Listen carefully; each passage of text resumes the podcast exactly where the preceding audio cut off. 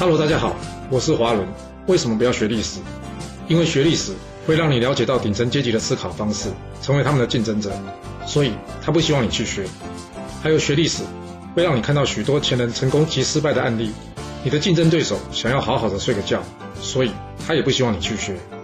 最重要的是，学历史会让你了解人性，你的老板以及同事都希望你保持天真的心，所以他们更不希望你去学。就是因为这些原因，接下来我要跟你说的是故事，而不是历史。今天主题是人性轮回，为什么历史会一再重演？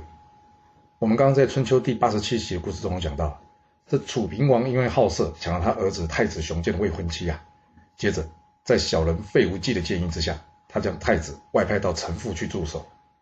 要是你还记得，我们之前曾经在第二十二到二十六集中有讲到，这晋国世子申生啊，被他爸爸的宠妃骊姬用计陷害啊，最后怎样被外派到曲沃的这一段呢？以及在第七集中啊，我们有讲过，这魏宣公啊抢了自己儿子的老婆，后来怎样想要动手除掉自己儿子这两段故事啊，你会不会觉得，哎，怎么好像历史又重新上演了一样？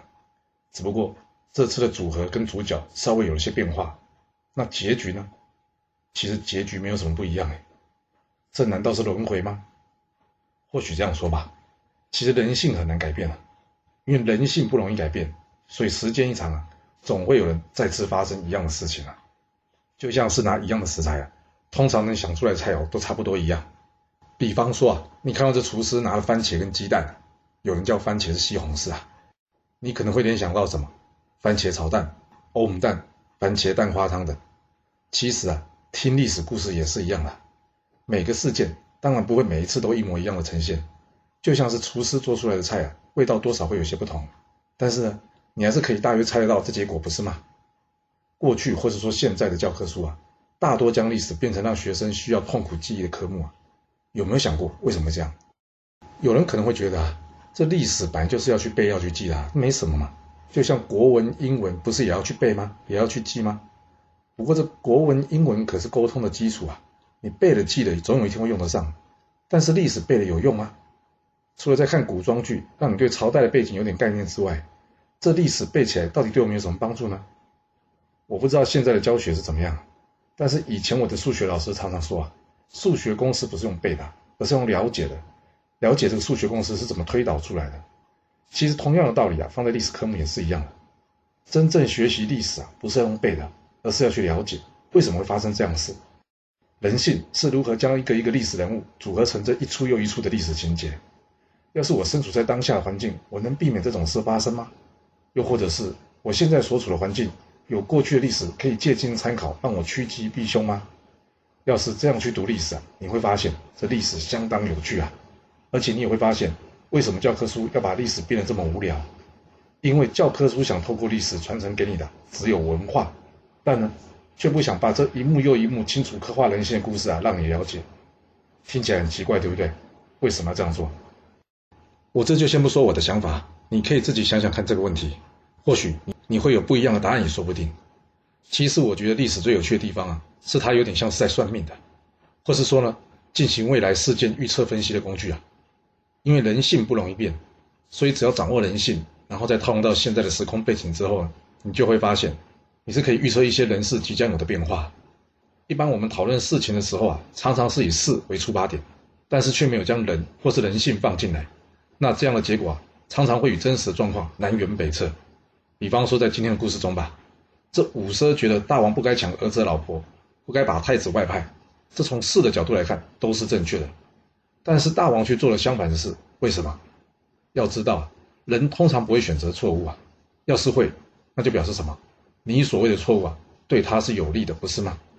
那反过来说，你所谓的正确，对他来说反而是错误喽。你要大王去选择一件对他不利的事或是错误的事，有可能吗？这不太容易吧？小人之所以会常常奸计得逞啊，就是因为什么？他比你更了解人性啊。套句有名的电影台词啊，贪官奸，那清官要怎么样？要更奸呐，要不然你怎么治得住他呢？不过这句话说起来容易，做起来却很难。因为啊，要是你是好人呐，你通常无法将人性想到这么恶劣。那既然没有办法将人性想得这么恶劣，所以呢，很多地方就会考虑不到。一旦考虑不到呢，就很有可能被别人给算计到。不过还好啊，历史故事啊，提供了我们大量奸臣小人的想法及做法。有了这些素材啊，你判断小人的举动啊，就会容易许多。就像在今天的故事里吧，若是太子雄健已经知道费无忌用计换掉太子妃，那他就应该要能猜得到，接下来费无忌啊会用计离间他与他爸爸的关系。就算他反应再慢吧，他收到被外派臣服的命令的时候，他应该就要知道，下一步就是他爸爸会听信谗言要杀了他了。那换作是你，你该怎么做呢？一，赶紧消除你父亲因为抢你老婆，心理上由羞愧转成愤怒的状况。要是不行，那要不要赶紧早早准备逃走啊？或是自己交回太子位置，然后隐居以求保命啊？当然了，还有许多其他的方法。不过呢？绝对不是要等到凤阳来告诉他说：“哎，你爸想杀你，赶快逃吧。”那这不就又陷入了之前晋国晋献公杀自己儿子申生的故事又重演一次一样吗？记住啊，这是前人用鲜血写下的故事啊！除非你觉得你也想用鲜血写下你的故事，要不然就千万别让前人的血啊白白的流了，或者怎么样白白的浪费了，你说是吧？若是你有其他想法，也欢迎你留言分享你的看法给大家哦。好了，我们今天先说到这。如果你就是不听我的劝，想知道完整版的故事内容，你可以从说明栏找到我爱故事频道的连结。